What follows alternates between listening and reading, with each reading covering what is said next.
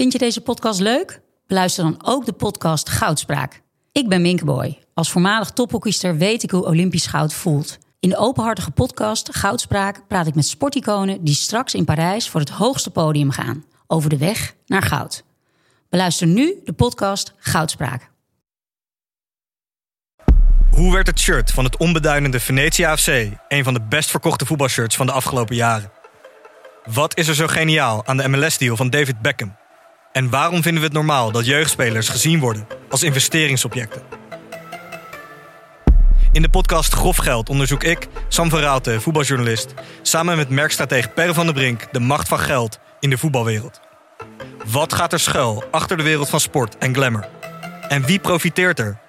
Luister naar Grof Geld en hoor hoe de Skybox de staantribune beïnvloedt. Deze podcast wordt mede mogelijk gemaakt door Toto. Wat kost gokken jou? Stop op tijd. 18 plus. Cruijff die vond dat PSV'ers geen uh, mentaliteit hadden. Nee, hij verstond ja, het niet goed. Dus ook, moment, ja. Hij verstond ze niet goed. Dus hij, Jan van Beveren heeft toen het veld moeten ruimen. Pleun Strik en Willy van der Kuilen. And, uh, there used to be a ballpark Where the field was warm and green And the people played their crazy game with a joy I'd never seen. Welkom iedereen bij uh, een nieuwe Hartgras podcast na de vakantie. De eerste van seizoen 3, even uit mijn hoofd. In ieder geval aflevering 60. En ik, ik ben heel enthousiast. Ik ga even kijken of dat uh, de rest van de tafel ook is. Suze van Kleef. Handjes in de lucht. Danielle Kliwon. Yes. En Frans Tomezen. Ja, ook de handjes in de lucht. Frans. was de keepershouder tegen Maar is het heel even voor, voordat we van wal steken. Uh, Danielle, ik weet dat jij keeper bent geweest. Ja. Frans, jij bent keeper geweest. Suze, ben jij nou ook keeper geweest? Zeker niet, nee. Okay. Oh. Ik dacht, we hebben bijna een kwartet. Zeker. Nee, nee, ja. nee, nee, nee, nee, Want we gaan het zeker ook wel over keepers hebben, uh, deze aflevering. Want daar is veel om te doen. Zeker omdat volgens mij Sillissen zo goed als rond is, is op dit rond, moment. Ja. Het is officieel dus rond. Ik zag uh, VI net pushen met een hele reconstructie hoe Boekhoorn dit voor elkaar gekregen heeft. En hoe heeft hij het voor elkaar gekregen? Nou, dat heb ik dus nog niet gelezen. Want ik zit hier. Ja, uh, maar wel echt weer een stunt. En sowieso moet het ook over transfers hebben, want er zijn echt transferstunts geweest tot nu toe. Gaan misschien ook nog wel komen. Uh, maar voordat we echt van wal steken, uh, hoe was jullie vakantie?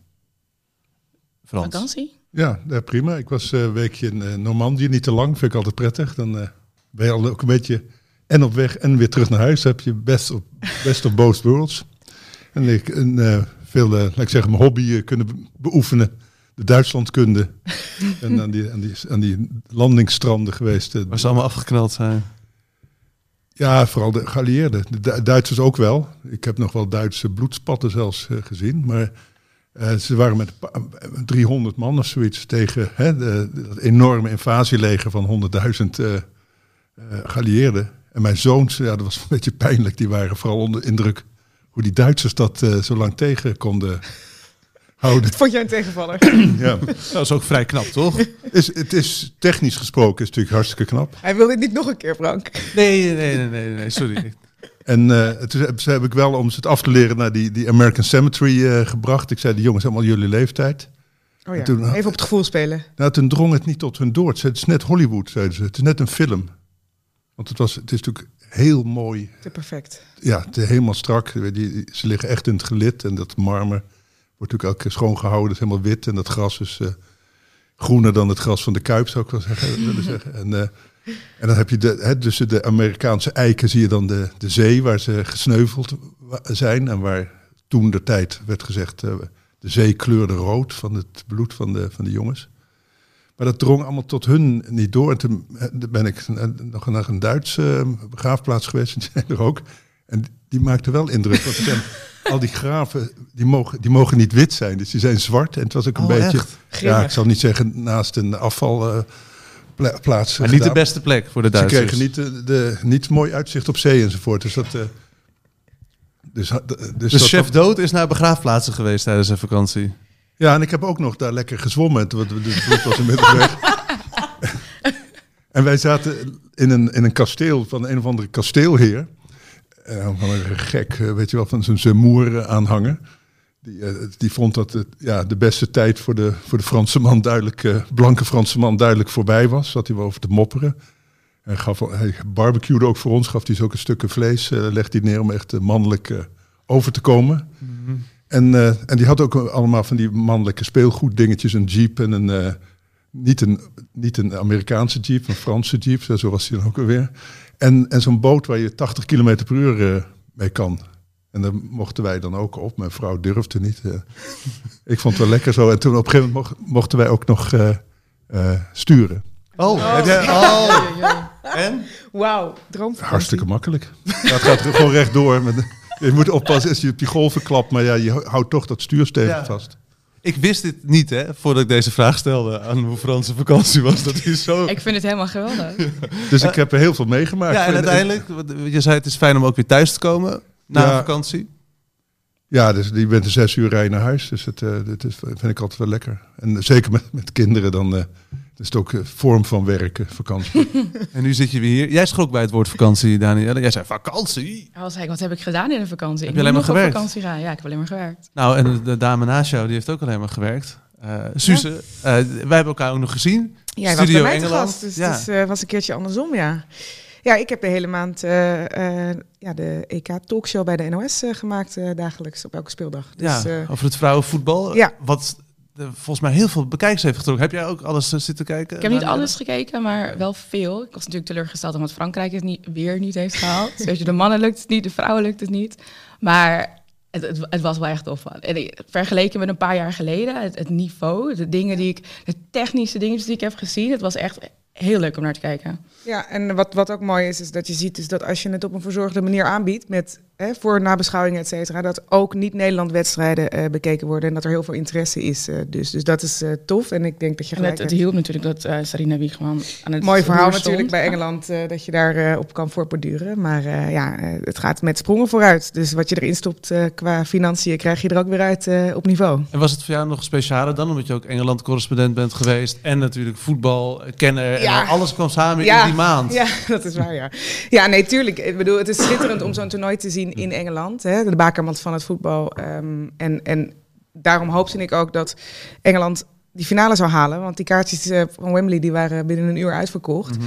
En dan eh, is het natuurlijk schitterend als eh, Engeland daar staat... en dan vervolgens ook nog wint en na 56 jaar eindelijk een hoofdprijs weer pakt. En Danielle zegt, het niveau viel mij heel erg op. Wat viel jou nog op? In die, al, want jij hebt echt alles gezien.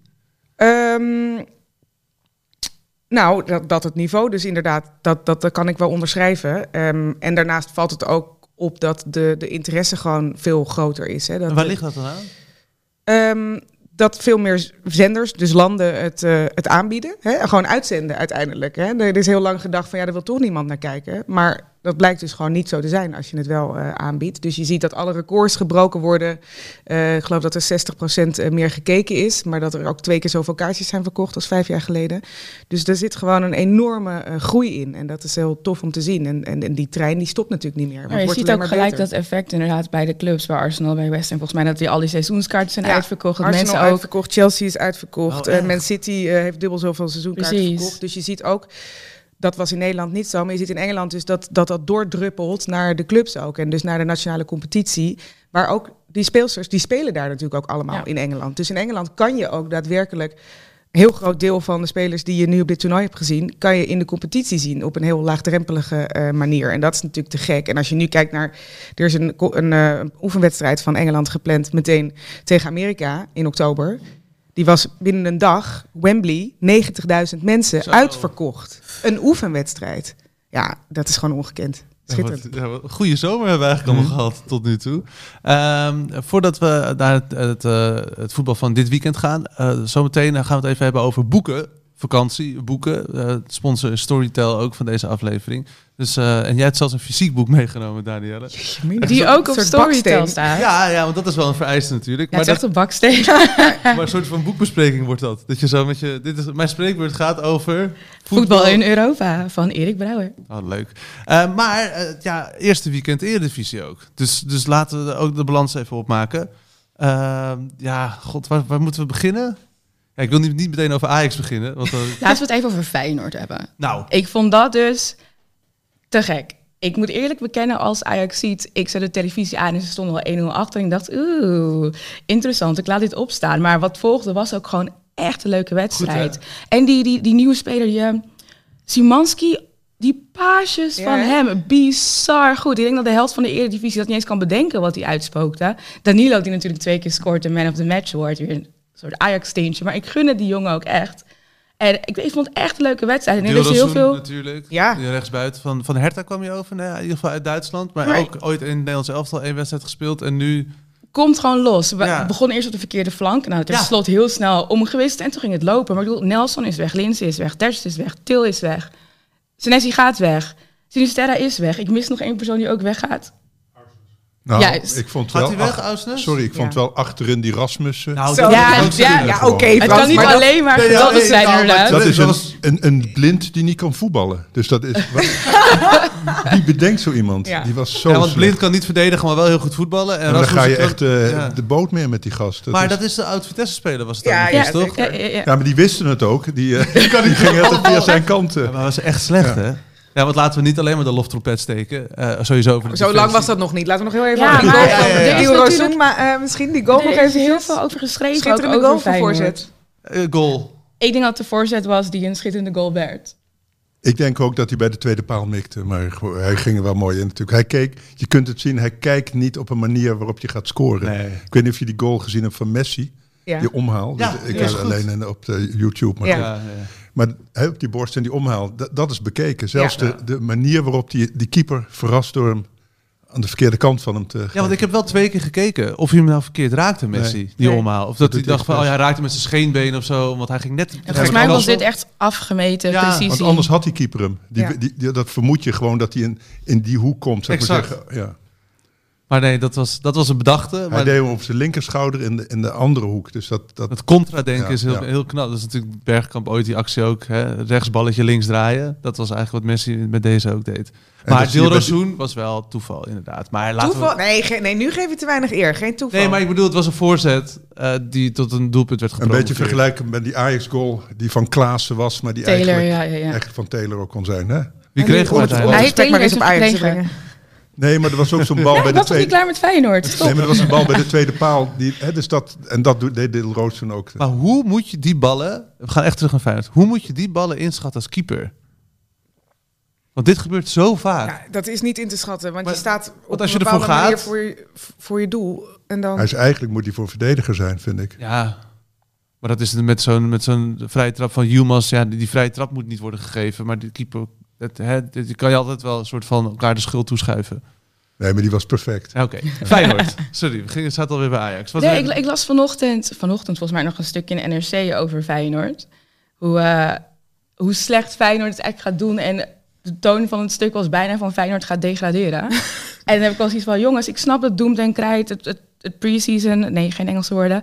Eh, de voorbereiding was niet helemaal top, maar dat- er staat nog geen team. hè. Ik bedoel, er gaan nog spelers weg, er komt misschien nog wat bij. En Slot is keihard aan het smeden om het neer te zetten. En als je dan 1-0 achterkomt, het om mee te draaien, weer gelijk op hoogte komt en dan uitloopt. Er, er zaten echt wat dingen in die beter moesten, waarvan je denkt, oké, Rasmussen onder andere, van dit gaat problemen opleveren. Maar ik denk dat er ook gewoon heel erg hoopvol was. Van, er komt weer een team te staan en met slot aan het hoofd, aan het roer. Ja, ik denk dat die van ieder team gewoon een, een winnaarsteam kan maken, bij wijze van. Maar heeft hij niet meteen een probleem met Danilo die opeens twee keer scoort en die nieuwe spits die Jiménez die gehaald is volgens mij, maar die nog niet mocht spelen? Is dat niet meteen het eerste probleem? Nee, ik denk Ja, maar dat is geen, die zou niet per se als spits spelen, maar ja, wel een soort van aanvalsleider. Maar die kan natuurlijk ook op de flanken, dacht ik. Ik heb hem heel, heel even opgezocht. Het is niet iemand die veel scoort. Nee, en Danilo is nu wel leuk, maar dat is natuurlijk een heel wisselvallige speler. Ja. Ik zag hem ook een bal aannemen die elke goede spits, hè, zelfs Luc de Jong, meteen op doel zou schieten. En hij wil hem dan controleren. Op zo'n manier, wat ik denk, wat wil je dan? Dan al had hij hem gecontroleerd, had hij uit moeten kappen. Waren de verdedigers teruggelopen, was de kans ook voorbij geweest. Dus ik vind het niet een spits. Nou, en daarnaast hoort een beetje concurrentie er denk ik ook gewoon eh, bij. En, en zul je als slot eh, trainer genoeg moeten zijn om dat gewoon te managen. En kun je gewoon zeggen dat dat twee hele andere types zijn. Dan kun je ook naar de tegenstander dat, kijken ja. wie je opstelt natuurlijk. Dus ik denk dat dat er gewoon bij hoort bij topsport. Ik denk wel dat hè, Feyenoord een dramatische voorbereiding heeft eh, gedraaid. Zeker. Niet dat het, en dat daarop gebaseerd wordt natuurlijk je voorspellingen. Eh, maar dat het er misschien over een aantal weken heel anders uit kan zien. Als blijkt dat eh, het inderdaad zo opgepakt wordt zoals het er nu uitziet. Maar goed, we zijn er nog niet. Het is nog geen 31 augustus ook. eh, dus, Nee, dat kan heel is veel. bizar inderdaad. Ik bedoel, Ja. we zijn pas, wat is het vandaag, 8 augustus? We hebben nog twee, Ja. drie weekjes te gaan voordat het echt voorbij is. dus dan is het ook heel moeilijk, vind ik, om voorspellingen te doen op het moment dat er bij clubs ook nog eh, gewoon mensen weg kunnen gaan. Hele belangrijke mensen weg kunnen Laten we gaan. dan vooral terugkijken. Eh, PSV. Ik moet eerlijk bekennen dat ik die niet heb gezien, alleen de samenvatting. Ja, maar dat is uh, genoeg hoor. Het is niet dat ik alle wedstrijden in zijn geheel kijk hoor, 90 minuten lang. Jullie wel? PSV was Nee. prima volgens mij, toch? Ja, die doen... eh, Ja, de eerste 20, 25 minuten was Emmen veel beter. Dat, Mhm. d- Toen dacht ik, hè, dat het gaat leuk worden. Maar helaas waren ze wel heel goed. En ik moet ze- zeggen, met Van Nistelrooy vind ik het wel veel leuker om naar te kijken. Maar haat jij dan echt andere ploegen, Frans? Want jij Nee. zegt helaas waren ze wel echt goed. Je maakt het net al een sneer naar Luc de Jong. Nee, ik kies wel altijd, als ik een wedstrijd eh, kijk, voor een, voor een team. Ik ben wel zo opportunistisch dat ik ook halverwege kan, eh, kan wisselen. ja. Dus het is, ik, hang geen, ik ben niet een vlag-fetischist of zo. maar ik ben, ik, ik, ik ben ook, wat zeg, ik, ik weet niet of je dat stuk van Pieter van Os in de NRC Oh, hebt. Briljant stuk. Echt, eh, Maar voor de mensen die het niet hebben gelezen. ja, over, over hooliganisme en dat, dat dat verkeerd wordt begrepen als iets wat door een stel raddraaiers die niet van voetballen houden, wordt, in stand wordt gehouden. Terwijl hij zegt, dat gewelddadige gevoel of dat onsportieve gevoel is een wezenlijk onderdeel van voetbal kijken. Omdat eh, voetbal is zo onvoorspelbaar in zijn uitslag en in zijn verloop, dat je al, bijna altijd teleurgesteld bent. Je moet altijd omgaan Mm. met een enorme teleurstelling. En, en als je dat in groepsverband doet met 50.000 eh, vrienden, zou ik maar zeggen, dan gaat dat heel gauw mis.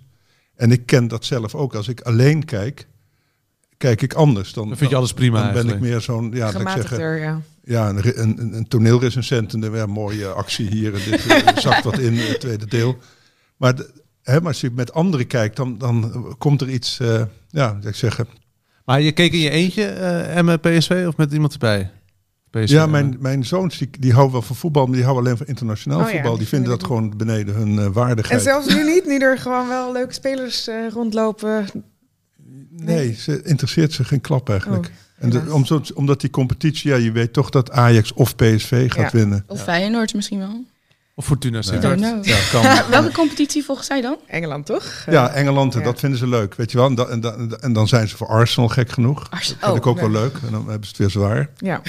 Dat is die teleurstelling weer. Xavi Simons, iemand? Ja, ik vind het een heel leuk voetballetje. Ja, toch? Ik kocht hem altijd met FIFA op de, op de Xbox al. Want hij is dus... Ja, ja.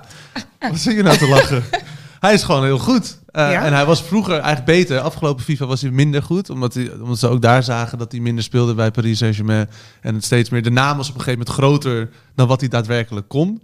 Maar nou, ja, hij, hij doet het toch heel goed bij PSV. Ik vond het, eh, de Johan Cruijffschaal vond ik hem wel echt heel goed invallen. Nu speelde hij ook goed. Zo snel, jongen. Ja. En nu, nou ja, nu ook weer. Ja, Altijd die- naar voren. Dus die Til die kan weer terug naar eh, Feyenoord. Nee, nee. maar Til, dat vind ik, daar ben ik ook erg fan van.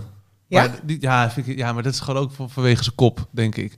Cult. Ja, Ja, precies. toch? Echt Oké. gewoon zo'n Het is een voetbalplaatje uit de jaren Ja, 50. ja, absoluut. Ja. Ja. neus. Nee, maar daarom, het is een heel lekker team om naar te kijken. Gakpo gaat denk ik echt wel weg, maar dat ze Sangaré hebben vastgelegd. Over Arsenal gesproken, Gakpo, het is nog steeds zo, toch? Dat is wel wat er... eh Ik, ik weet niet of hij weggaat. Nee? Zeker niet als er het niet eh, dinsdag... eh, van heeft Monaco wel. ja, nou ja, als je Champions League speelt, dan weet ik niet of je nu weg moet. Zeker niet met het WK in aantocht. Nee, en Arsenal heeft best veel goede aanvallers. Ja, Zeker nu ze die Jesus ook gekocht hebben. Zo, dus hij, ja, wat moet hij daar nou Ah, ja. nog? En die Saka, en weet ik wat nou ja, fantastisch. en zeker omdat je dus hè, tot en met november wil je gewoon spelen. Ja, ja. Eh, en dan, dan ga je mee naar het WK.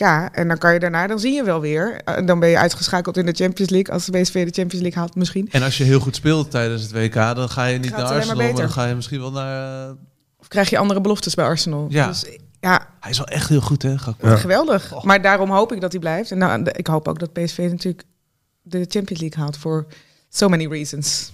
Dat gaat toch wel lukken thuis? Ik vind het niet een makkelijke wedstrijd. We Zeker kunnen even een maar- voorspellingje opgooien, toch? Voor Oh ja. komende Nou, dinsdag. Ja, ik, ik denk wel dat ze het uit het vuur gaan slepen. maar? Met, eh, met verlenging. Oh, Ik denk dat het weer een gelijk spel wordt. Ja. En dan eh, in de verlenging, zeg maar niet met penalties, wel echt in de verlenging dat ze het... eh they bring it home. Kijk, Maar wat zal ik opschrijven? Is het dan, zeg je dan een tweede? Wat, wat, oh, nee, dan zou ik zeggen 1-1. 1-1 ook, ja. Oké, schrijf ik dat op? Met de kanttekening, PSV gaat wel door. Ja. Suze? 2-1. En Gakpo blijft dan. Gewoon een bonus. En als het 1-2 Een zou worden... bonusvoorspelling. en in tweede gaat Gakpo weg. Ja, dat is- dat is Ja. oké. Goeie. Eh, ja, dit wordt eh, 3-0. Met zo'n keeper eh, gaat er geen één meer in. Benitez? Ja, ik, ja, ja. Ik denk dat hij, hij moet er even in groeien. Ook net als met de Johan Cruijffschaal. Maar dat wordt echt, dat is echt, het is al een hele goede keeper. Maar in dit systeem met PSV moet hij er nog heel eventjes Ja, ik wilde hem halen in mijn coach van het jaarteam. Maar hij, hij was zo duur. Ik had er geen Ja. geld meer over. Snap ik wel, want de rest van de kippers van de eredivisie, die... eh, Ja, ik, Ah, ik heb, oh, ik heb serieus? iets- Bijlo, Bijlo, ik zat wel te...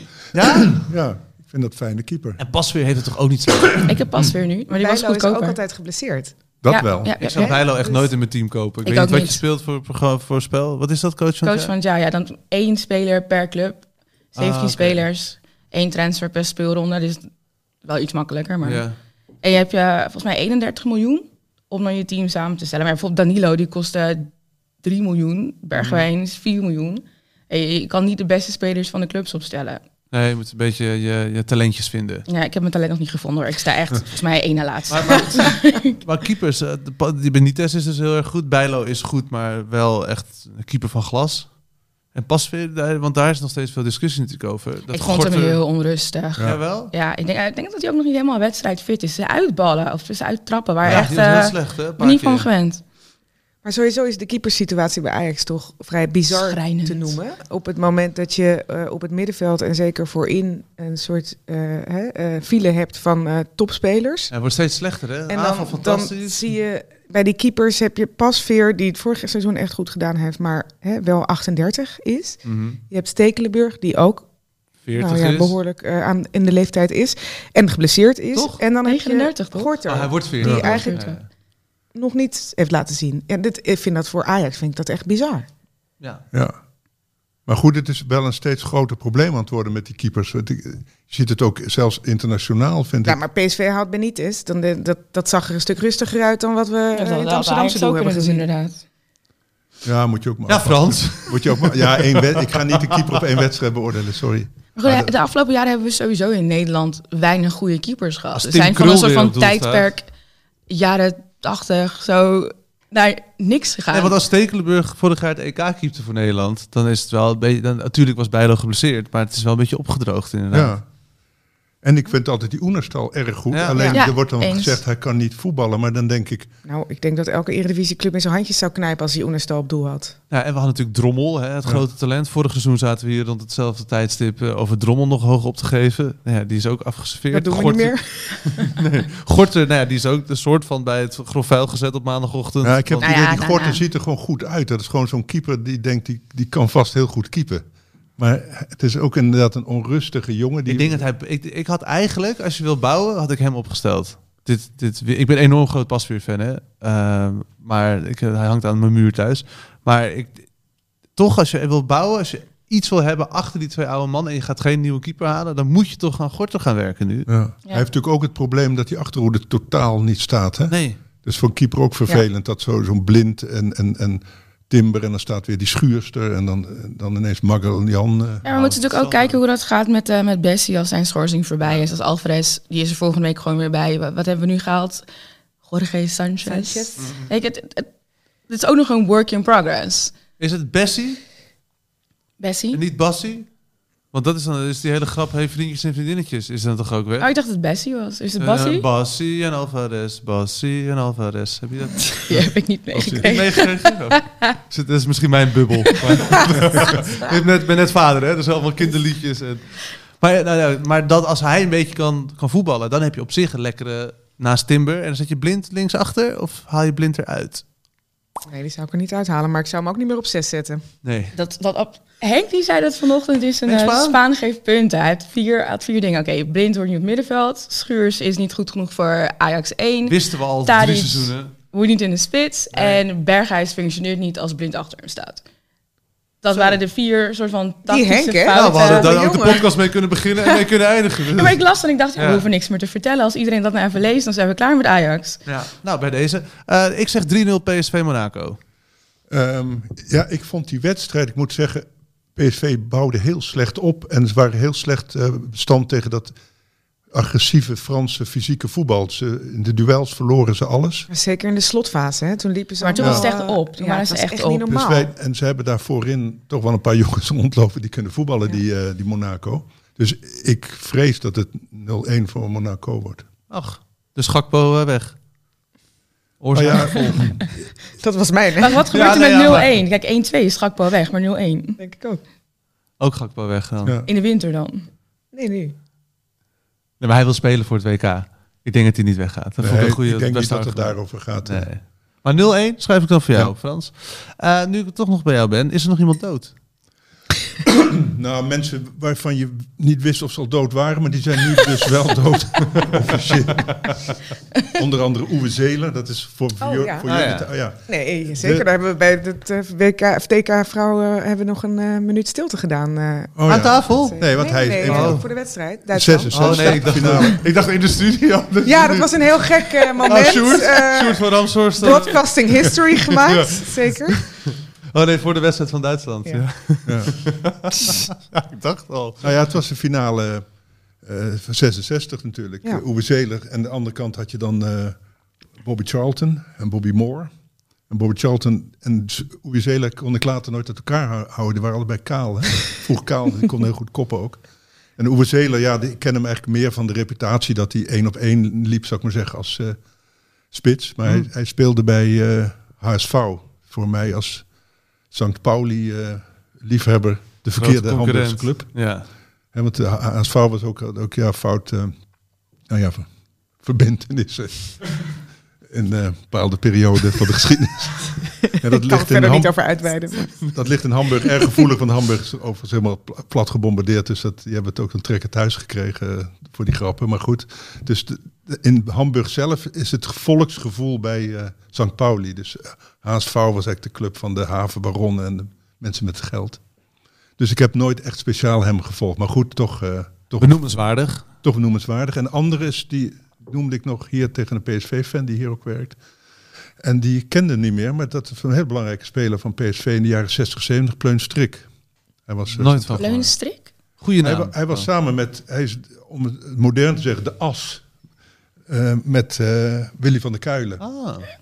Beetje ondergesneeuwd.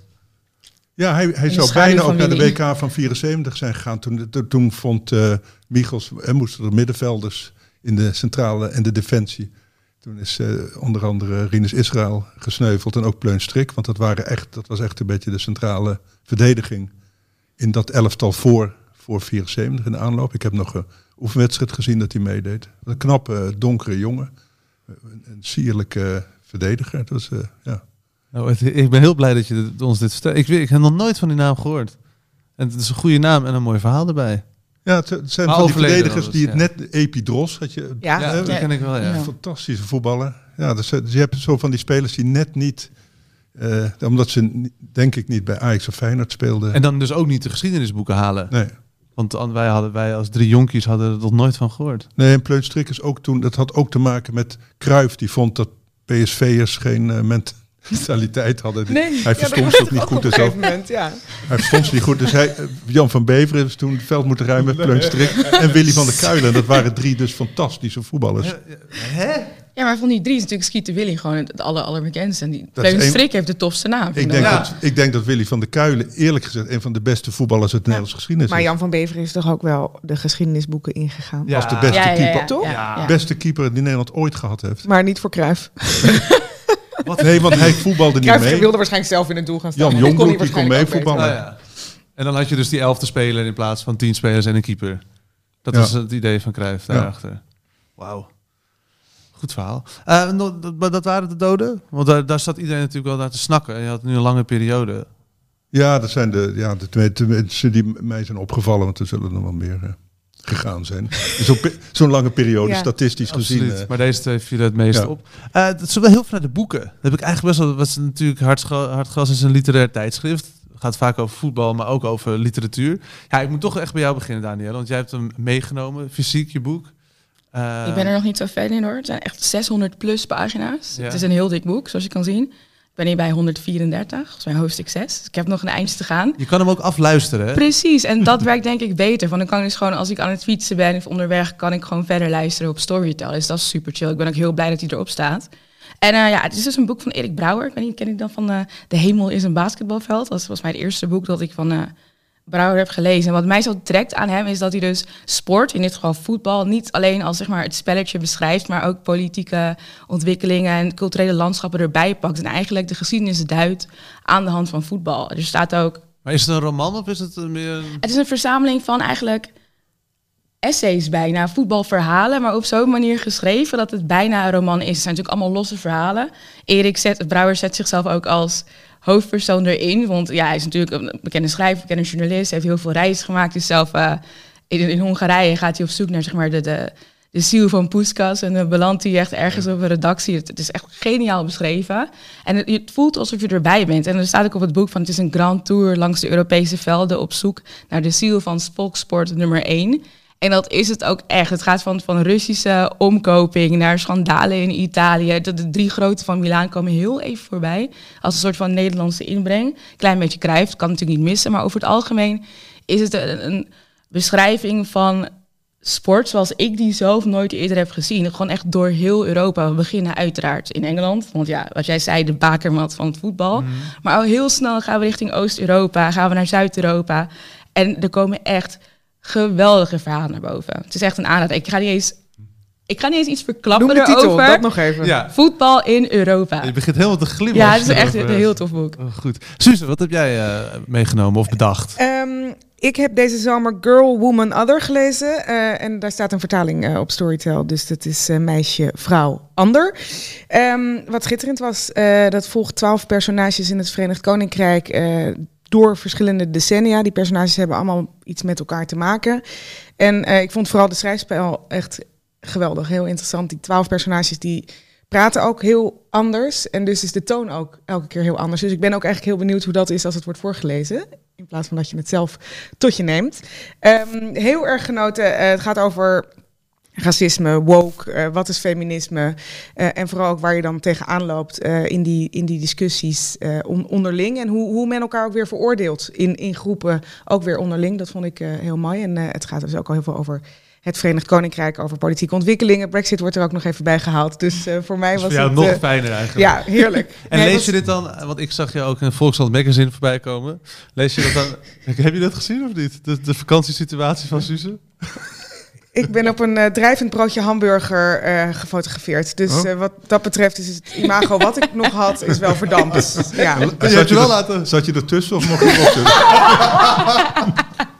Je hebt je wel laten verleiden tot die foto, Suze. Ja, ja, ja. Ik dacht, eh, go big or go home, zeg maar. Dus, Maar la- las je dit boek dan aan dat zwembad waar je als broodje hamburger in lag? of Ehm, waar lees je dit dan? Ja, nou, ik heb, de, ik heb dit boek wel op, eh, in die vakantie eh, eh, gelezen. Ik zit te denken of ik toen al klaar was met dat boek. Maar goed. Ja, wel, ik heb er gewoon een serieuze boeken gelezen. Ook nog heel eventjes hoor, Ja, op die vakantie. Je was verder aan de cocktails, toch? Met heel veel Met, vriendinnen. met die vriendinnen, ja. Maar Ja. daarvoor had ik een hele rustige eh, week in, eh, op Sardinië. Dus toen heb ik eh, serieuze boeken gelezen, Oh, tot me wat genomen. goed. Als je niet zo van het lezen bent, maar wel van boeken houdt, kun je dus ook luisteren. Dat is Storytel, daar hebben we het over.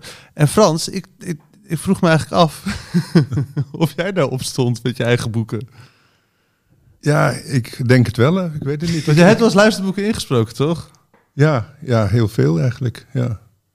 Veel die Kessels boeken. Ja. En eh, de eerste was het allerleukste, was met eh, de band van Nico Dijkshoorn. Dat was echt een, eh, alsof je echt in een platenstudio belandde. En, Want hoe werkte dat dan? nou, dan, dan las ik voor en dan in de, de regels wit of de overgangen ging Nico eventjes los met zijn, eh, met zijn gitaartje. Hé, maar dat is ook zo opgenomen als luisterboek? Of was dat alleen maar Ja, live? met, maar met zo'n band in de... Hè, dus op een gegeven moment eh, zat ik met die band in de, in, tussen die eierdozen. En ja, vond ik wel een... eh, Oh, wat grappig. Wat goed. Maar dat heb je dus wel, want dat, dat wilde ik weten. Want ik heb het boek van Erik Corton heb ik opgegooid. Mist heet die. Vooral eigenlijk omdat hij hem zelf inleest. En nu kan Erik Corton heeft natuurlijk ook een hele mooie, mooie stem. En heeft een mooi boek geschreven ook. Maar ik vind het altijd heel leuk als de auteur zelf zijn boeken Ja, inspreekt. ik heb voor, die, voor die, die, die, eh, dat luisterboek, was al lang, in 2010 of zo, Ja. heb ik wel een prijs eh, gekregen. Omdat je het zo goed had ingesproken. Ja, ik heb toen nog eh, Job Cohen verslagen. Wat? Om maar iemand te noemen. En die doet het heel veel, want die had een invalide vrouw. Die las die altijd voor. Die was heel Ja. goed in voorlezen. En die deed dat ook. Geduchte concurrent. Nou ja, omdat hij in de politiek had hij het eh, niet zo goed van afgebracht. Hij had heel veel tijd om voor te Als hij niet van burgemeester Amsterdam naar Den Haag was gegaan, had hij misschien gewonnen. Maar jij had gewoon het, het tijdsgeest had jij mee. Ja, en toen, maar dat was in de tijd dat hij zich steeds versprak in die eh, politiek. En dan weet ik nog dat ik echt heel pijnlijk werd het uitgezonden eh, met een VPRO Radio live. Ja. Of nee, bij Kunststof of zoiets. Ja, en dan werd dat uitgezonden. En toen, toen zei ze, ja, het toch knap van je dat je Job Cohen, zo'n hele, dat je die verslagen hebt. Ik zei, ja, nee, ik, ik weet niet of dat nou het belangrijkste is. Ja, dat je het beter doet als iemand die erbij heeft. De hakkelaar. Hey, was Toen het viel echt? het helemaal stil. Was zo onsportief werd dat gevonden. en ik dacht, ja, ik ben, ik ben een schrijver. Je, ga jij, eh, hè, je hebt de hele PvdA, ik heb altijd braaf op jou gestemd. Je hebt de hele, hele partijen naar de knoppen geholpen. En dan ga je nog eens, ook eens in de literatuur ook proberen eh, mijn, mijn prijzen weg te kapen, weet je wel. Zat er een geldprijs aan verbonden? Weet je dat nog? Ja, wel iets, ja. Ja, maar zo'n bedrag, weet je wel, wel leuk. 1500 euro. Ja, zoiets. ja. Ja. Wat grappig. Maar eh, de Frans Tomezen staat dus ook op eh, Storytel. En we hebben eh, een, een aanbieding. Dat vinden we wel leuk. Omdat we dus een literair tijdschrift zijn, is het helemaal top. Eh, luister nu 30 dagen gratis via www.story.tel hartgras. En dan kan je dus 30 dagen gratis luisteren. En als het je bevalt... eh, ja, ik heb er best wel veel gebruik van gemaakt. Een tijdje eh, geleden al. Omdat het gewoon heel ontspannen is. En wat ik wel het eh, slimst vind... Want ik, heb ook, ik hou heel erg van Murakami... Dus dan ging ik dat ook luisteren. Dat is ingewikkeld. Mm. Dat, soort, dat, soort, eh, dat soort boeken. Daarom is zo met korte verhalen, wat jij eh, ook eh, aangeeft, Daniel, dat is eigenlijk het allerbest. Omdat je dan ook een soort van, net als met podcast, even 40 minuten kan luisteren. Of precies zo je reistijd, dat je ook een rond, rond verhaal hebt. Ja. Tenzij het natuurlijk is voorgelezen door Frans de Mezen. Dan, Gelden alle regels niet meer. nee, Nee, maar weg. wordt ook muziek tussendoor gespeeld. Dan kun je ook even naar Ja, de geeft wc. even afwisseling. Ja. Ja. Eh, maar dat zijn eh, de vakantieboekentips. Mocht je nog gaan, zoals, eh zoals Danielle, dan kan je die eh, luisteren op Storytel. Dan nog eventjes, want we hebben nog lang niet alles besproken over de Eredivisie. Ik wil het heel even over Tanane hebben bij NEC. Die viel heel erg op van het weekend. Ik zou hem voor geen goud in mijn team willen hebben.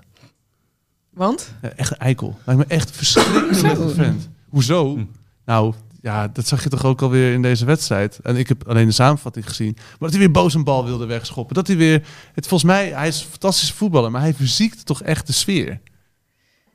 Het gaat toch om het team? Ja, mm, er is een reden waarom die jongen niet eh, in de top speelt natuurlijk. Ik bedoel, qua talent zag je ook deze wedstrijd weer dat het gewoon geweldig is. Ja, Paasjes, sorry, maar volgens mij is hij, is hij nog niet eens topfit. En eh, is dan gewoon veruit de beste van het veld. Maar is hij dan de, de Ronaldo van de NEC? Nou, Ronaldo heeft de absolute top wel gehaald. Ja, maar eh, die heeft, ook, die heeft ook niet een soort van attitude-probleem bij, Ja, bij bij Manchester. Manchester, United. Ja, maar wel altijd topfit. Dus, eh, dit- Hij is nu dus niet fit. Is dat het echt waarom hij niet speelt? Of zeggen ze dat het Dat, dat, is niet Ten? Hag gisteren in elk Ja. geval, dat hij niet wedstrijdfit is. Ja, nee, ja, het is, het is, ik denk Maar van Tanane naar Ronaldo, laten we Ja. Tanane ook weer niet... eh, ik vind het een grote stap, maar Ja, maar niet qua talent, maar qua attitude op het veld, dat bedoelde ik meer.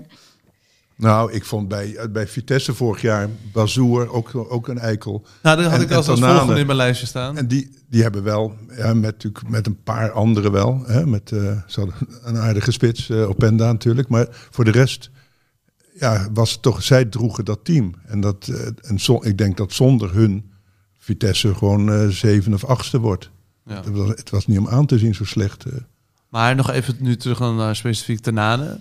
Ja, ik denk dat elke trainer weer denkt: ik ga zorgen dat ik het beste uit hem haal. Hè, dat, dat is ook een mooie eigenschap van eh, trainers, denk ik. Dat ze toch hopen dat ze hem in het gareel krijgen en ook houden. Hè? Want volgens mij begint hij vrijwel elk seizoen geweldig. En dan op een gegeven moment gebeurt er wat. Of zakt hij in, eh, krijgt hij eh, ruzie, weet ik veel wat, eh opstootje op de training. En dan loopt het mis. Maar hoe lang ga je dat doen? Op een gegeven moment Ja, moet je ook wel erkennen van... Het ligt niet aan ons, het ligt echt aan hem. En we kunnen dit niet veranderen. Ja. maar toch blijven elke keer blijft de clubs blijven het weer Ja, en het proberen. hoort toch ook een beetje bij het voetbal. Ik, vroeger Ja. had je altijd van die, elk team had zo'n zo'n eh, idioot erbij. Dat was ook, het is ook deel van het spektakel. ook vind denken ik. aan Arnautovic nu. Ja, Oh. Bijvoorbeeld. Maar ook Memphis, dat is toch Ja. ook een verschrikking. Ja. Maar dat, bedoel, je hebt altijd wel zulke figuren. En ik zou het ook jammer vinden als ze verdwenen. En dat het allemaal, dat slot en ten Hag, iedereen in het gareel kreeg. Nou ja, ik denk dat de supporters van eh, NEC, die vinden het toch geweldig dat hij Ja. eh, nu bij, bij hun speelt. Misschien over eh, vijf maanden niet meer. Maar nu is het gewoon genieten. Dat, dat zien ze niet zo Dat vaak. eh, opportunisme van het voetbal weer. ja, maar zo, dat niveau zie je niet zo vaak. Dus word- het is toch wel mooi. Ik werd echt, ik werd echt boos toen ik zat te kijken. Echt heel, ik merk nu dat ik weer heel Ik zagrijnig Ik merk het, ja. Zeker dat Oh. het ook nog voor hem op aan het nemen zijn. Dat ik denk van, ja nee. Nee, maar ik neem het niet voor hem op. Ik neem het op voor... Ik Het- snap wel dat je, dat je, dat je voor het type proberen. voetballer dat hij is, voor de manier waarop trainers er naar kijken. En ook inderdaad, als het jouw speler is, dan denk je wel echt van, ah ja, kijk naar die emotie, kijk hem gaan. Ik- het is zo dan kan je wel achter komen staan. Dat, dat je denkt blij dat hij in ons team zit. Precies. Dus dat is ook dat is altijd nee, goed. ik als zou je hem nooit zo- in mijn team willen hebben. Oh ja, Kijk, Tadic is meer zo'n speler. Ik wil net zeggen, zou je dat met Thadis dan ook Absoluut, hebben? altijd. Maar dat is een professional puur zang. En die gaat ook liggen rollen. En die doet, maar die schopt niet een bal de tribune in. En die gaat niet met zijn Hij deed het nu ook niet, hè? Hij hield zich Ja, net in. maar dat is bedoel, precies- dat was Ja, toch maar een klein stapje gemaakt in zijn ontwikkeling. Ja, maar dat is Maar ook zo'n hij, gast. hij wilde het wel doen, maar hij hield zich uiteindelijk net Ja, maar in. dat vond ik nog eigenlijk typerender. Want die heeft, oh ja, dit is de eerste wedstrijd van het seizoen. Laat ik me inhouden, ik schiet hem niet. Maar dit is ook zo'n gast die gaat vechten als hij te veel gedronken heeft. Maar het, dat, het, dat, het dat, kan dat, heel dat soort types Wat, zijn wat, hebben, hebben we daar bewijs van? Is dit eerder gebeurd? Nee, maar dat denk ik. Maar, Nee, maar dat is gewoon meer hoe dat vul ik Nou, zo. hij in. is ooit bij Utrecht weggestuurd inderdaad vanwege slaan. Echt? ja, dat- ja, hij is- met, met een medespeler, Ja, toch? Op de training. Dat Maar het kan, wat je ja, het kan heel goed dat het ook hier weer fout gaat. Maar ik begrijp ook wel dat je als trainer slash club NEC denkt... geweldige voetballer, we gaan het met hem proberen. Misschien hebben ze wel afspraken. We zien wel. Misschien hebben ze wel afspraken met hem. Dat als Ja. hij zich eh, misdraagt of als hij minder dan Als eh, hij een 20 bal in de tribune schopt, dat hij dan vijf wedstrijden niet meer mee mag Ik heb geen idee. Ja, maar dan gaat hij waarschijnlijk weer bokken. Dat hij vijf wedstrijden... Nee, maar dat zou wel zo'n clausule... Ik kan me voorstellen dat je eh, afspraken maakt Ja. met hem. Net eh, zoals over- Iataren, hè? die heeft ook zo'n clausule volgens Zo, mij. was ik helemaal weer Oh, vergeten na, dit, na dit weekend. Nou ja, over, over rotzooitrappers. Ik bedoel, het- ja. Nou, Ajax denkt daar ook van, denk ik, van... nou, ik weet niet hoe ze er nu over denken, maar dacht in ieder geval van... wij gaan het proberen met hem. Hè? We gaan hem een bepaalde eh, Het is heel even omgeving eh, bieden. Ja, maar ik weet nog dat interview wat hij gaf van ESPN, dat er zelfs een, een fysio van Ajax mee was te gaan op vakantie, die echt alles controleerde wat hij deed, wat hij at. Ik zag dus in mijn hoofd voor me iemand die op twee meter van die daarin zwemt in de zee en gewoon, wat doe je? Waar loop je? wat die eet je? Ga je uit? Ik dacht het niet. Het was één treffende zin dat hij zei, ja, we wilden uitgaan. En toen stond hij in de deur en toen eh, ben ik maar niet uitgegaan. Dan denk ik... maar ja, En iemand van de mokromafia voor de velletparking, denk ik. Ja. Hè? Want, eh, Dat verhaal. Dat, zei, dat, dat, dat, dat, de mokromafia in zijn die auto gasten in naar zijn de, auto reden. Ja, Ja, Ja. naar die rechtszaak nog. nou, ook nog eens naar die Marengo-rechtszaak, toch? Dus dat, dat is volgens mij voor Ajax eh, een brug te ver. Dat er Natuurlijk, een Ajax ja. sponsorauto bij die, Oh, bunk- dat- bij dit die verhaal- bunker Bij de, naar de bunker, ja. Ja. die reden gewoon... ken ik niet. Nee, ja, dat hoorde ik gisteren John van Heuvel eh, op de radio vertellen... terwijl ik zelf commentaar zat te geven. Dus dan zit je wel een beetje zo in, Ja, eh, ja. in twee dingen. Maar inderdaad, dus dat, eh, dat in die Ajax-auto... dat ze daar... eh, dat ze naar het Marengo-proces reden, naar de bunker. Ja, dan snap ik wel dat je daar misschien niet mee geassocieerd wil worden. Maar dan valt veel op zijn plek, toch? Waar die, waar die nu is. Na Promes denk ik dat ze toch korte metten hier gaan mee gaan Ja. maken. ja. Je moet ook wel. Ja. Die- maar ja, ik bedoel, hij is nu weer aan het trainen individueel Ja, op geen rugnummer heeft hij. Dus Nee. ik ben heel benieuwd hij waar dit eh, dus Ze gaan hem eindigt. gewoon eh, lozen. Ja. Ja, maar wanneer is eh Gaan met een baksteen op zijn enkels eh, eh, in, Ze de- hebben, in toch het ei. ze hebben toch genoeg aanvallers. Dus wat dat betreft... eh, Ja, in de winter dan? Dus ze hebben hem gehuurd al voor een jaar. Dat- ja, ja, ja. En dan, kunnen- dan geven ze hem gewoon terug. Hier, strikt eromheen. Alsjeblieft, zijn ze afgevallen. Ja. Ja. En nog heel even, jij was gisteren bij een wedstrijd voor eh, NOS Langs de Lijn. Ja. AZ Go Ahead. Ja. Alles wat ruimt is waar. Hoe was het? Het was, ja, ja, oké. Is ja, go ahead. Eh, natuurlijk vorig jaar de verrassing van eh, het seizoen, maar eh, ongeveer al zijn spelers kwijtgeraakt. Dus Ja. eh, Vooral de keeper. Nou, Noppert. nee, al zijn spelers. Ja, nee, bedoel, maar er, dat stond- was- er stonden drie spelers van, de vorige, van vorig jaar in. Dat was het. Er zijn 16 spelers vertrokken daar, dus eh, die moeten gewoon helemaal opnieuw beginnen. Dus je betaalt ook wel de prijs voor zo'n seizoen. Kees van Wonderen ook nog eens eh, Mhm. weg. Dus ja, dat zag je er ook wel eh, aan af. Ja, ze hebben vanuit de, eh, vanuit de eerste divisie wat gehaald. Ze hebben vanuit het buitenland wat gehaald. Er is een IJslander overgekomen vanuit Wit-Rusland. Nou Oh, ja, dat, goed idee. dat soort dingen. Ja. Die best, best eh, volgens mij best leuk eh, kan Hoe heet- vo- weet je hoe die heet? Willem Willemsen. Dus hij heeft wel de beste voetballersnaam van het seizoen. Bij deze alvast even gedropt. We hadden het over pleu, Pleun Strik. Dat, Ja. Maar namen bij voetballen zijn zo Willem. Willemsen, een linksbenige rechtermiddenvelder, 1,91 meter. Zo. Dus op, in alle opzichten een opvallende voetballer. Dus bij deze let Hou op in de gaten. Ja. Kan echt, eh, was echt eh, opvallend technisch voor iemand. Coach van het jaarteam, moet ik hem halen? Ja, halen. Ik zou hem halen. Ehm, en dat was een van de weinige eh, dingen, aanknopingspunten bij Go Ahead waarvan ik dacht, oké. AZ Had moeite, toch? Had zeker moeite. Tot de 70ste minuut niet gescoord. Wel wat kansen gecreëerd. Pavlidis kwam wat moeilijk op gang. Uiteindelijk maakte hij hem wel. Dus, Lekkere eh, spits blijft het wel. ja, eh, en van Brederode, een 19-jarige linksbuiten die zijn basisdebuut maakte uit eigen jeugd. Kleine, eh vlugge technische speler. Klein dat was, was echt goed, leuk hoor. om te zien. Ja. Ja. Dus hij, hij zocht gewoon constant zijn tegenstander op. Ging er ook bijna elke keer langs. Dus dat was heel tof. En hij maakte ook nog doelpunt. Dus dat was het mooie verhaal. En Bazoer, over vervelende ventjes gesproken, op de tribune nog. Ziek. Oh, ziek? Ja. Maar niet, geen Echt corona. ziek of is dat een excuus? Nou ja, echt ziek. Maar Want hij hij- zat er, toch? Ja, ja dus, dus nog niet fit genoeg. Maar hij zou do- Ja. donderdag waarschijnlijk wel eh, fit zijn voor die, eh, voor die wedstrijd tegen Dundee United. Maar ik weet niet of hij dan speelt. Want eh, ik ben heel benieuwd waar ze hem gaan... Ze, willen, ze hebben hem gehaald. Nee, ze hebben hem gehaald voor het middenveld. Ja, maar er staat Klaas hier natuurlijk al. Hmm. Ja. Op die plek. Maar En Reinders. Ja. Reinders moet plaatsmaken, denk ik. Ik denk niet meteen de eerste wedstrijd. Ik zou... ja, ze speelt natuurlijk met Mitje en Klaasje een beetje zo eh, ach- Ja. b- Ja. controleren. Dus Ja. in die zin kunnen Dus natuurlijk... Reinders kan er ook uit. Ja, en Bazoer en Klaasje samen. Hè? Ja, dat zou nog kunnen. Maar dan Maar moet ja, die dus- lopen elkaar in de weg, denk ik. Die willen hetzelfde. Twee mooi, mannetjes mooi paasje geven. Ja, Bazoer ja. heeft ook lang niet daar gespeeld. Hè? Dus ik, ik ben heel benieuwd eh, hoe dat eruit gaat zien. Want je moet ook een hoop vuile meters gaan maken. Terwijl hij bij Vitesse een soort libero-rol had... waar hij eigenlijk alles kon. Hè? Wat hij heel goed, mo- mooie paas ook van achteruit. Nou ja, ik bedoel, er zit een hoop eh, voetbal in. Maar Ja. de- als eh, verdedigende middenvelder bij AZ... moet je toch ook wel wat eh, vervelend werk gaan doen. En dan is het toch misschien iets te veel een prinsje voor? Nou, kijk, het is wel een hele bewuste stap van hem. Dus, ik denk, hè, dus hij had ook naar het buitenland kunnen gaan. waarschijnlijk wel voor een beter contract. Dus ik denk dat hij dat, dat wel ziet zitten. Want hij, hij, is niet hij is niet voor de verdediging gehaald. Nee. Maar het lijkt wel of iedereen in de Eredivisie wil, wil spelen of wil blijven spelen. De, toch? Het lijkt wel een soort van niveau-upgrade qua, nou ja, nou die vooral is het ook een financiële upgrade eh, geweest. Ja. we, be- Ja. we betalen gewoon veel beter. Nee, maar dat is eigenlijk heel goed voor, voor ons, toch? Ja. Als liefhebbers van het, van het spelletje voetbal. En ook dus in Europa. Maar als je ziet wie er allemaal gehaald zijn. Een Bergwijn, die is echt, echt heel goed.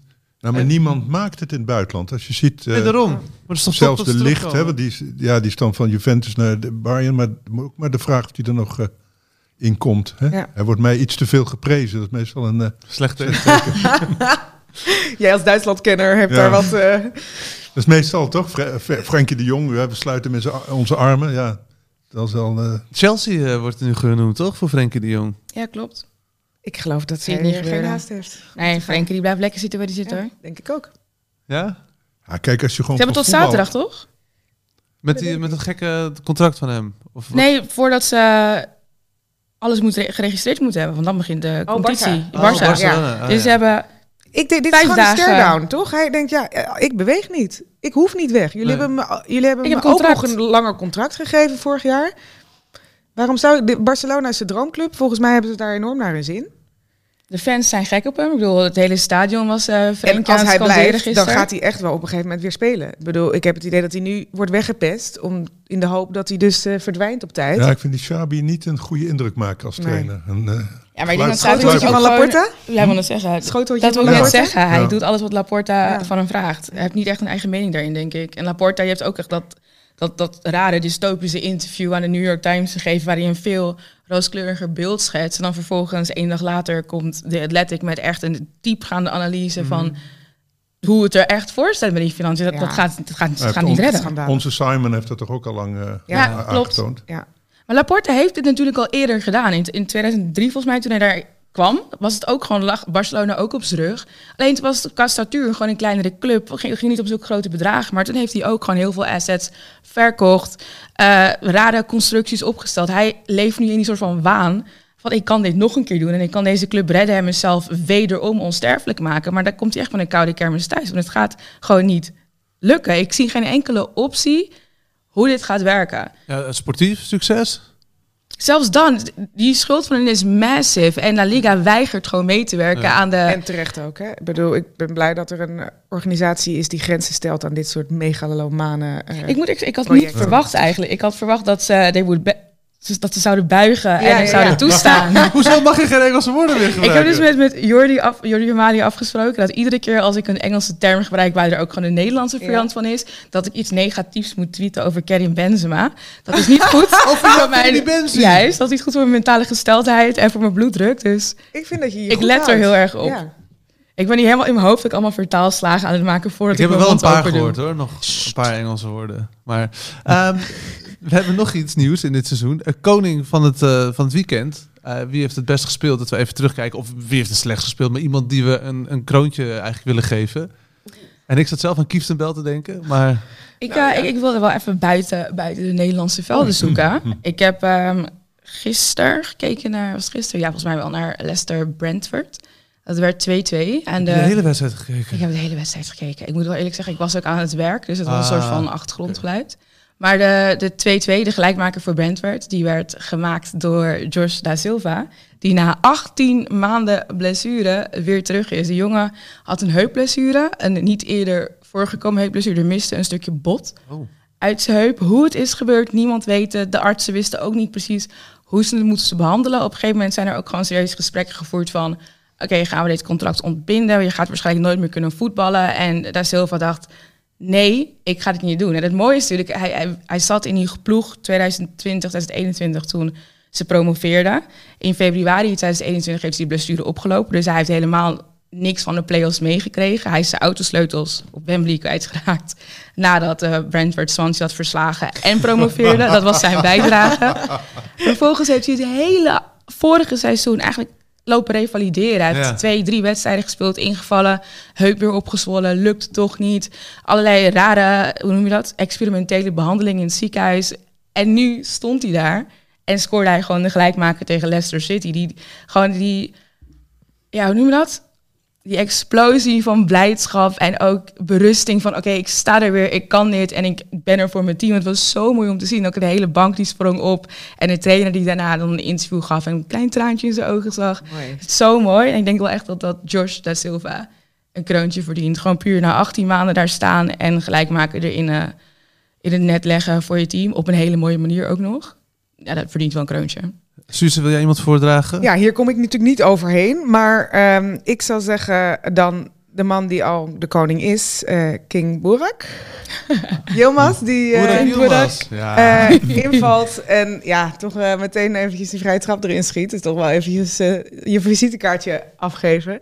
En ik, wat- ik vind het gewoon fascinerend, deze hele situatie. Hè. Die man is gewoon veel groter dan Fortuna Sittard. Dus die speler, die, die, is gewoon, die ontstijgt die club totaal. Dus hoe dat gaat ook eh, in, in de teamhierarchie, hoe dat gaat met George Ulte, de Zag je trainer. hem schreeuwen hij stond zijlijn langs de en kant te wijzen. schreeuwen alsof hij ook als speler coach was en Ja. zo. En, en, en dat is ook staat de dan- bedoeling toch uiteindelijk? Want hij heeft voor vijf jaar een contract ja, dus hij, de bedoeling is dat hij twee jaar speelt, zei hij. En dat hij dan gaat kijken of hij technisch directeur of trainer of iets dergelijks wil worden. En dat gaat hij dan uitzoeken bij Fortuna Sittard. Fantastisch. Schitterend. Ook al, alles hieraan is natuurlijk gewoon een geweldig verhaal. En, en dan staat George Ulte daar dan zo naast. Weet je, Hey, naast. Boerak. Ja, en het is gewoon van dit hele beeld vind ik fantastisch. En, en, en heel, gewoon heel interessant. Wat gebeurt er nou met je club als je zo iemand haalt? Het gaat, ja, ik bedoel, in ieder geval al geloof 11, 1200 extra eh, verkochte seizoenskaarten.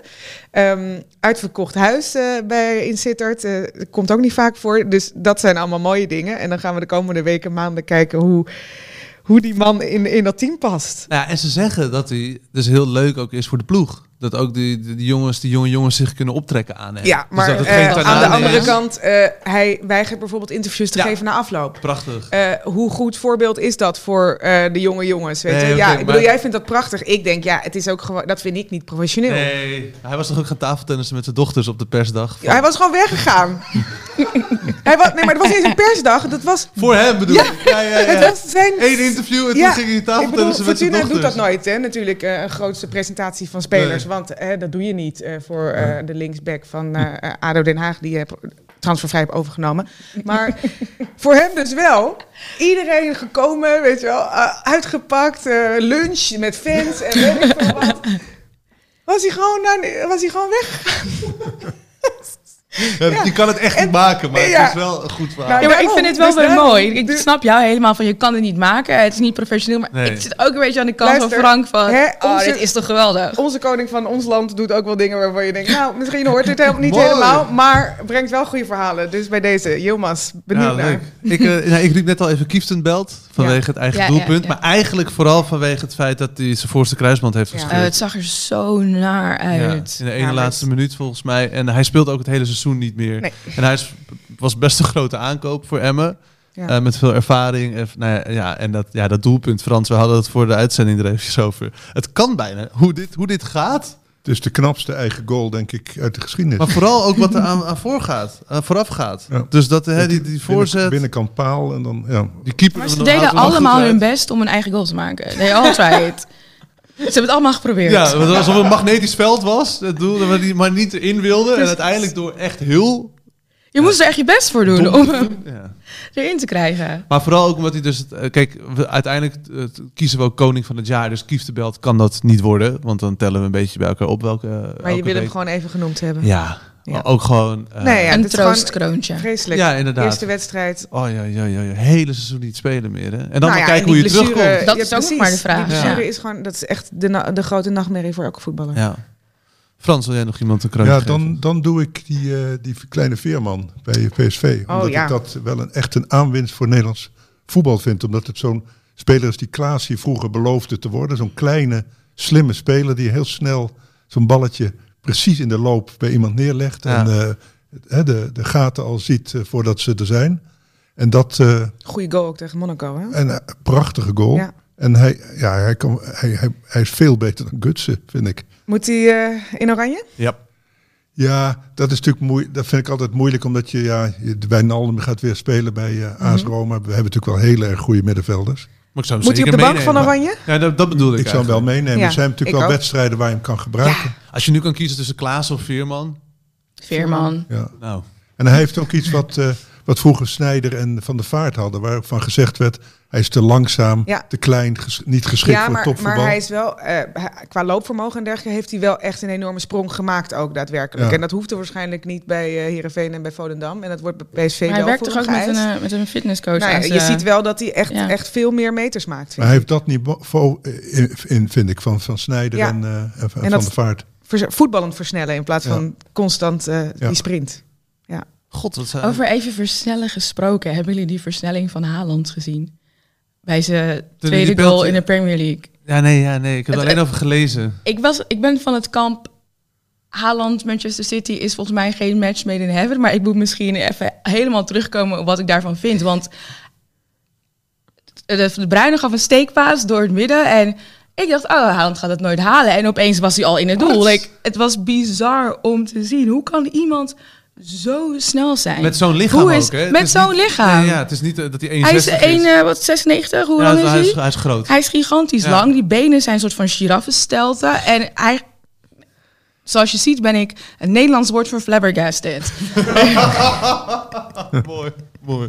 Eh, maar we moeten uiteindelijk eentje ook even uitkiezen nu. Eh, Oh. En ik denk wel, ja, met, met alle respect, eh daar niet Helle, maar dat we, omdat we een koning van het jaar gaan kiezen, dat het wel handig is om misschien binnen de eredivisie te kijken. Oké, ik zal even kijken of er een mogelijkheid is om De Silva naar Nederland te halen. Is We, er betalen tegenwoordig prima. Dus, eh, precies. Champions League. Ja. Maar dat is dan is een Yilmaz misschien wel de beste voor deze, deze Voor week? dit, voor dit dat weekend? doelpunt is natuurlijk wel het mooiste doelpunt eh, van, van met, met de Dil Roossoen, maar dan weten we niet zeker of die eh, Oh ja. bedoeld was. Maar dat, waren wel de twee mooiste doelpunten, vond ik. Ja. Nou, dan schrijven we die op voor Koning van de Week. Boerak Yilmaz van Fortuna Sittard. Ongelooflijk Dat je het dat zo hard zegt, ja. uitspreekt. maar dat gele shirt staat hem ook op een of andere manier niet, net niet helemaal Het is zo. allemaal weird. Eh, nog iets eh, wat we Maar ondersproken vroeger is? hebben grote spelers eh, Fortuna kleuren natuurlijk verdedigd. Zeker. een, eh, ou- een Kees van Wonderen? Nee, echt Nee. maar in de jaren 50 had je natuurlijk eh, Willy Dullens en zo. Dat Ja, soort Mark van. Bommel is En, ook eh, begonnen, vaak- vonden we ook een Vaas- grote speler. Vaas Wilkens heeft er volgens mij gespeeld, Oh, kijk eens aan. dacht ik. Maar Dat was allemaal voor mijn tijd. We hadden ooit nog een quizje helemaal in het begin 54. van uh, Ik ben blij dat we dat niet meer doen. Nee, maar misschien kunnen we nog eh, een bekende Fortuna Sittard speler even opgooien. Fernando Dat- Riksen. eh, Ja. Hey, goed. ja, nee. Maar god, ik zit ook even diep te graven nog uit mijn... Uit, uit Mark mijn van So much Bommel. empty. Mark van Bommel. Ja, Ja, maar die hadden we. ja. Ja. Kevin Hofland, Kevin hier. Hofland. Pelle, dank u. Hoppa. Jij hebt gegoogeld, hè? Nee, maar ik kwam daar laatst en toen eh, dan hebben ze er van, dat staat er een busje Per in, in, in de. Hey, Maar we hadden het over grote, over grote spelers. maar er staat zo'n busje in de parkeergarage. Volgens mij is dat, eh, daar, daar rijden ze dan jeugdspelers mee rond of zo. En dan, dan staan alle gezichten van eh, de, de, de grote spelers erop. Dan denk je wel toch van, oh, je Maar daar staat Bommel, Per wel. Ja, maar Per staat wel in de tribune. Ik zag hem, ja, hij is bij de tribune, zag Ja, ik ik zag hem. Ik heb Studio Sport gekeken gisteravond. Maar is er, is er iets nog verder ten tafel? Want anders... eh, Ten Hag. Oh, Manchester United. One hack, two hack. Like, wat gaat er nu gebeuren? Nou, ik mag hopen dat hij gewoon blijft zitten. Nee, maar even serieus, hè. Ik bedoel, Schreuder ging een beetje de missie met zijn tactiek. Gaf het ruidelijk toe na afloop van de wedstrijd. Dan- Ten Hag had hetzelfde. Ik bedoel, McTominay en Fred op het middenveld als je Christian Eriksen hebt. Ik snap natuurlijk je spits Martial is geblesseerd. Maar kon je... Hoe heet die? Die links, eh links voor stond. Rashford? Kon je die niet doorschuiven naar de spits? I don't know. En ook iedereen die weer... Nou ja, iedereen. De meeste Engelse pundits die weer riepen... Martinez had een penalty tegen moeten krijgen met zijn schouderduw. Des Ajax weer met die schouderduw. Ja, ja. Ja, die wordt meteen opgegeven daar, hè? Van, ik Ja. lees alleen maar mensen, we zijn opgelicht. Wat hadden we ook weer betaald voor hem? Dat Echt soort waar? teksten, ja. Ik zet plaatjes met Tyrion Lannister en dan Engeland, zijn eh, hoofd erop geplakt. Ja, ja ik, ik, volgens mij is die hele transferperiode vrij eh, desastreus verlopen voor Erik ten Hag, toch? Ik bedoel, Als ze alleen eh, maar Malasia, Eriksen en Ja. eh, dingen hebben. Dus en, en nu denken ze na over Arnautovic. Ja, sorry, Ja, dat, dat, dat is toch geen Man Ja. United eh, eh, materiaal? Dat is Maar toch... goed, wat zei Ole, zei dat ook. We hebben tien nou. nieuwe spelers nodig. En ik krijg gewoon niet de handvatten die ik nodig heb om hier een team van te maken. Ten Hag gaat hier tegen hetzelfde aanlopen. Ja. En dan heb je, zit je nog met Ronaldo in je maag. Die alleen maar raar gezicht op de tribune aan, of eh, op de reservebank aan het trekken was. Dat kan ook niet goed zijn voor het gevoel in de Zeker kleedkamer. niet als je meteen verliest, weet je wel. Als je dan, dan, dan eh, als je Ronaldo dan nog hebt, dan... Als je, kijk, als je wint, dan heb je nog een tekst om hem eh, ernaast te zetten. Maar Ja. als je verliest... Dat gezegd, Brighton was wel echt goed. Ja, maar ja. Was wel echt goed. Respect voor Graham Potter. Heerlijk dit. Ja, dit is, eh, het gaat een beetje... Ik ben niet... Ben je van de Premier League Frans? Ja, door je zoons misschien, Nee, maar... nee, ik moet zeggen, ik kijk veel met een half oog. Het, eh, Staat het gewoon aan op de achtergrond, net zoals eh, als jij aan het werk bent. ja, of ik kijk even die highlights even terug als het ergens een berichtje verschijnt dat er een mooie goal is gemaakt of zo. Ja.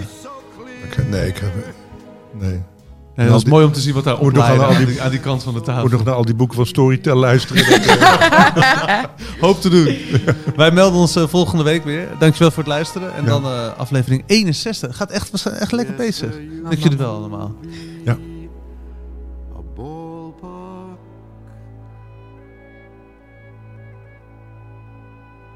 Right here.